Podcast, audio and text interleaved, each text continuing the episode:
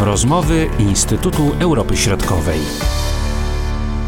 Tym odcinku mówimy o polityce energetycznej Litwy. W ubiegłym roku Litwa podjęła starania o członkostwo w Międzynarodowej Agencji Energii. Ma to przede wszystkim wpłynąć na bezpieczeństwo energetyczne tego państwa. Prawdopodobnie pełne członkostwo nastąpi w 2021 roku, zakładając, że po litewskich wyborach parlamentarnych nie nastąpi zmiana stanowiska w tej sprawie, podkreśla starszy analityk w zespole bałtyckim dr Michał Paszkowski. Dla Litwy jest to wielka korzyść, że chodzi o zwiększenie bezpieczeństwa, ale też takiej aktywności międzynarodowej e, na forum międzynarodowym. Na pewno do takich korzyści wynikających z samego jakby uczestnictwa będzie, będzie to, że będzie uczestniczyć w takich kolektywnych jakby systemie przeciwdziałania sytuacjom kryzysową na rynku ropy naftowej, dlatego że obowiązkiem każdego państwa członkowskiego oprócz bycia członkiem OECD, to jest jakby wymóg taki formalny, trzeba też posiadać odpowiedni poziom zapasów ropy naftowej odpowiadający 90 dniom importu netto E, no i też jakby tutaj sama agencja, jakby rozwój w, ciągu wielu lat jakby spowodował, że tak naprawdę jakby odgrywa ona bardzo znaczącą rolę, jeżeli chodzi o przygotowanie różnego rodzaju analiz, ekspertyz i po prostu też pomaga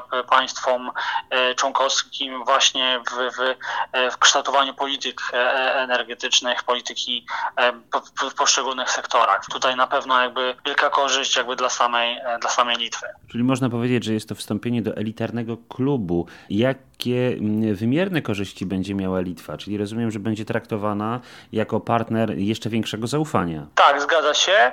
Znaczy, Litwa jakby już jest członkiem Unii Europejskiej i też posiada odpowiedni system zapasów, natomiast y, tak naprawdę, to też jakby ułatwia jej mocno mm, jakby uzyskanie członkostwa właśnie w Międzynarodowej Agencji Energii, e, ale niewątpliwie jakby jej rola i znaczenie, jakby taki prestiż znacząco wzrośnie i to jest po prostu e, jakby no bardzo jakby jakby odbierane z, jakby po stronie litewskiej właśnie. Stąd też ich bardzo szybkie jakby tutaj starania, dlatego że już w 2018 roku Litwa stała się członkiem OECD, a y, tak naprawdę jakby już w 2019 podjęła jakby takie działania w kierunku właśnie przystąpienia do, do Międzynarodowej Agencji Energii, więc to jest bardzo szybko, więc jakby tutaj wielki prestiż. Jeśli chodzi o y, właśnie znaczenie jeszcze tego faktu w kontekście no, tych y, sporów tej polityki energetycznej powiedzmy na linii Wilno-Mińsk czy Wilno-Moskwa? Czy tutaj można mówić o jakichś korzyściach? W jakimś minimalnym zakresie pewnie tak, natomiast większym jakby tutaj korzyścią dla samej Litwy jakby uczestnictwa w tej organizacji jest też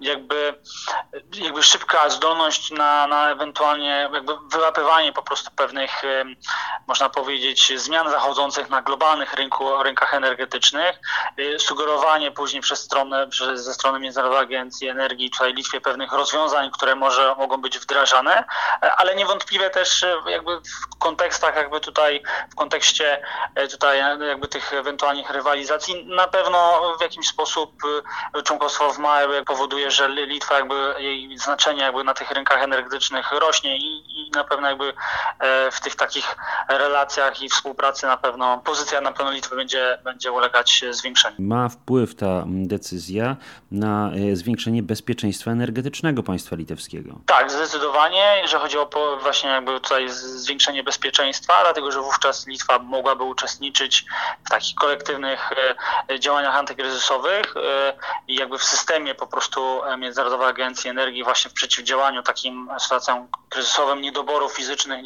niedoboru ropy naftowej na rynku. Litwa jest importerem ropy naftowej z uwagi na, że tam funkcjonuje rafineria w Morzejkach. No i też w tej sytuacji po prostu na pewno następuje jakieś zwiększenie po prostu tej, tego bezpieczeństwa, bo w sytuacjach kryzysowych tutaj Litwa mogłaby oczekiwać i też uzyskać ewentualne jakby wsparcie ze strony pozostałych państw członkowskich. Jakie znaczenie mają te litewskie aspiracje dla ogólnego bezpieczeństwa energetycznego, na przykład tutaj w kontekście polskim, w kontekście Łotwy, Estonii? Jeżeli chodzi o e, kontekst taki bardziej regionalny, to niewątpliwie by było, będzie to kolejne już państwo, które będzie członkiem tej organizacji. E, kilka lat temu też Estonia stała się członkiem, e, Łotwa notabene, która w 2016 roku stała się członkiem OECD, czyli spełniła ten taki formalny, podstawowy wymóg członkostwa w Międzynarodowej Agencji Energii, nadal nie zużyła akcesji.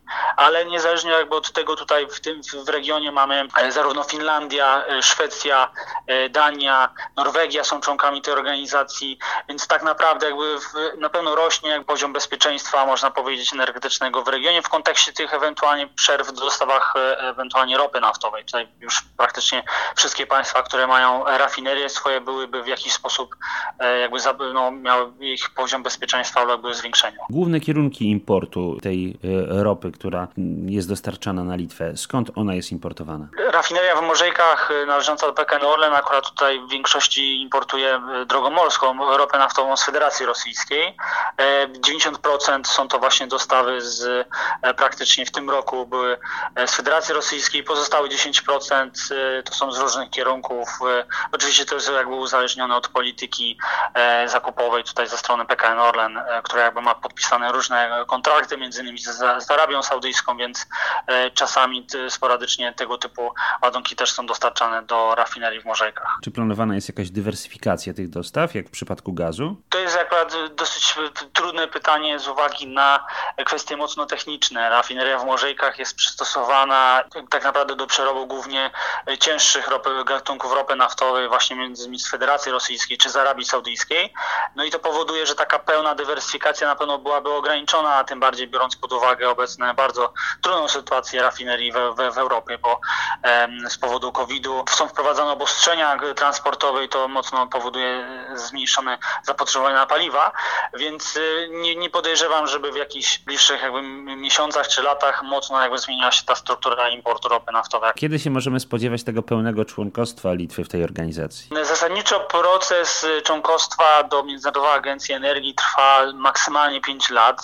W zeszłym roku Litwa złożyła wniosek akcesyjny, ale jakby zorganizowane właśnie w tym roku, w dniach 31 sierpnia, e, tutaj 11 e, września, dwa przeglądy polityki energetycznej oraz e, jakby jeden przegląd całościowej polityki energetycznej, drugi taki przegląd gotowości kryzysowej, jakby powoduje, że, że widać, że tutaj Litwa z dużą determinacją jakby stara się uzyskać członkostwo w tej organizacji.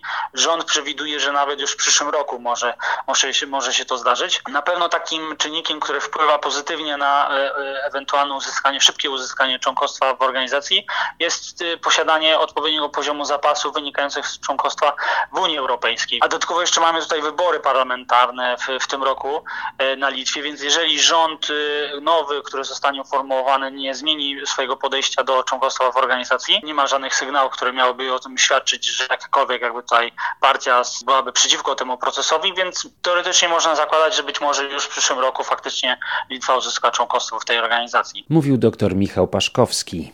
Marcin Superczyński. Do usłyszenia. Były to rozmowy Instytutu Europy Środkowej.